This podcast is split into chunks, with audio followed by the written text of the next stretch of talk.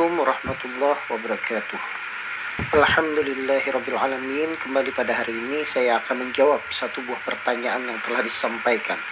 Assalamualaikum dokter. Waalaikumsalam warahmatullahi wabarakatuh. Paman saya mengidap penyakit paru kronik.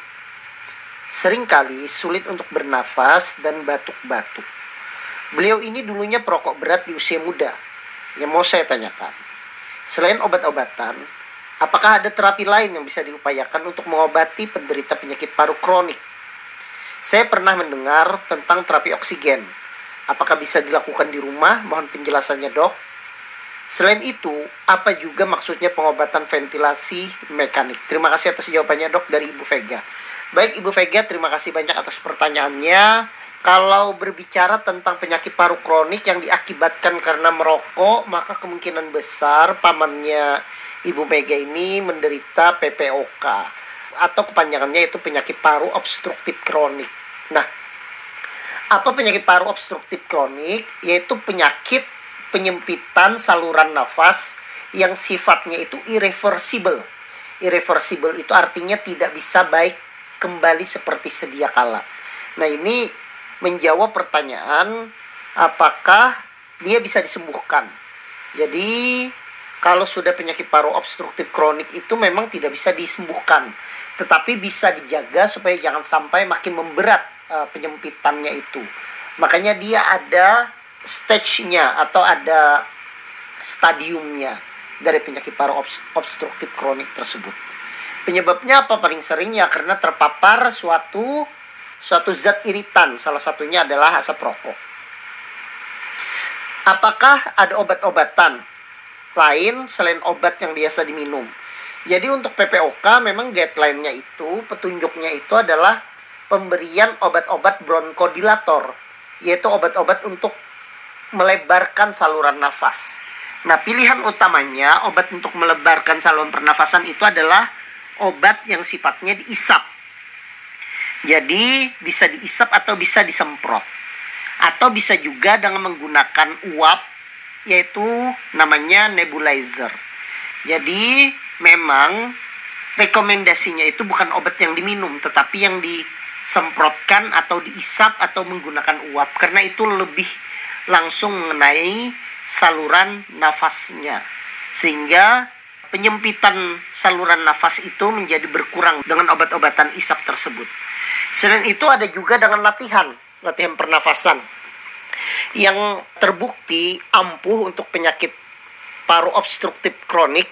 Latihan pernafasannya itu disebut dengan pure sleep breathing yaitu dengan cara mengambil nafas kemudian menghembuskan nafas di mulut tetapi mulutnya itu dikeluarkan pelan-pelan dengan mulutnya itu mencucu. Artinya e, membuat seperti tahanan dengan keluarnya yang sedikit sehingga itu melatih otot-otot pernafasan sehingga pada penderita penyakit paru obstruktif kronik itu menjadi lebih nyaman, kualitas hidupnya menjadi meningkat. Kemudian, saya pernah mendengar tentang terapi oksigen. Apakah bisa dilakukan di rumah? Mohon penjelasannya. Jadi penyakit paru obstruktif kronik ini kadang oksigen itu terpenuhi saja di dalam darah. Jadi dia bukan masalah oksigen yang bukan masalah oksigen yang rendah, andai pun rendah dia itu tetap di atas 90 persen saturasi oksigennya. Nah yang menjadi masalah itu pada penderita penyakit paru obstruktif kronik itu adalah kadar karbon dioksida atau CO2 hasil dari buangan dari pembakaran di dalam tubuh yang tidak maksimal untuk dibuang. Sehingga yang terjadi adalah kadar karbon dioksida atau CO2 di dalam darah, di dalam paru itu meningkat. Nah, Peningkatan ini yang berbahaya pada penyakit paru obstruktif kronik karena akan menyebabkan darah menjadi asam karena kadar CO2 yang meningkat bahkan terjadi gagal nafas yang menyebabkan pada penderita penyakit paru obstruktif itu bisa terjadi henti nafas dan ini bisa membahayakan jiwanya. Jadi, andai pun dia diberikan terapi oksigen, maka terapi oksigen yang diberikan pada penderita penyakit paru obstruktif kronik atau PPOK ini tidak terus-menerus biasanya terapinya itu adalah intermittent, hanya diberikan pada saat dia sesak, kemudian kalau sesaknya berkurang maka terapi oksigennya itu dihentikan. Itu namanya intermittent. Jadi berkala, tidak terus-menerus.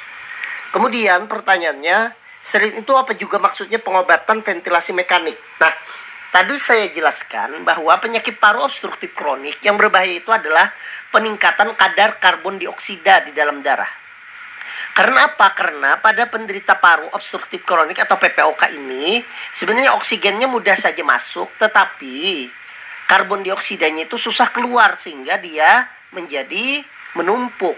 Nah, ini perlu dilakukan namanya ventilasi mekanik. Ventilasi mekanik ini adalah pemberian alat bantu pernafasan yang tujuannya adalah langsung memberikan oksigenasi ke dalam saluran nafas, kemudian juga langsung memberikan fasilitas membuang kadar karbon dioksida.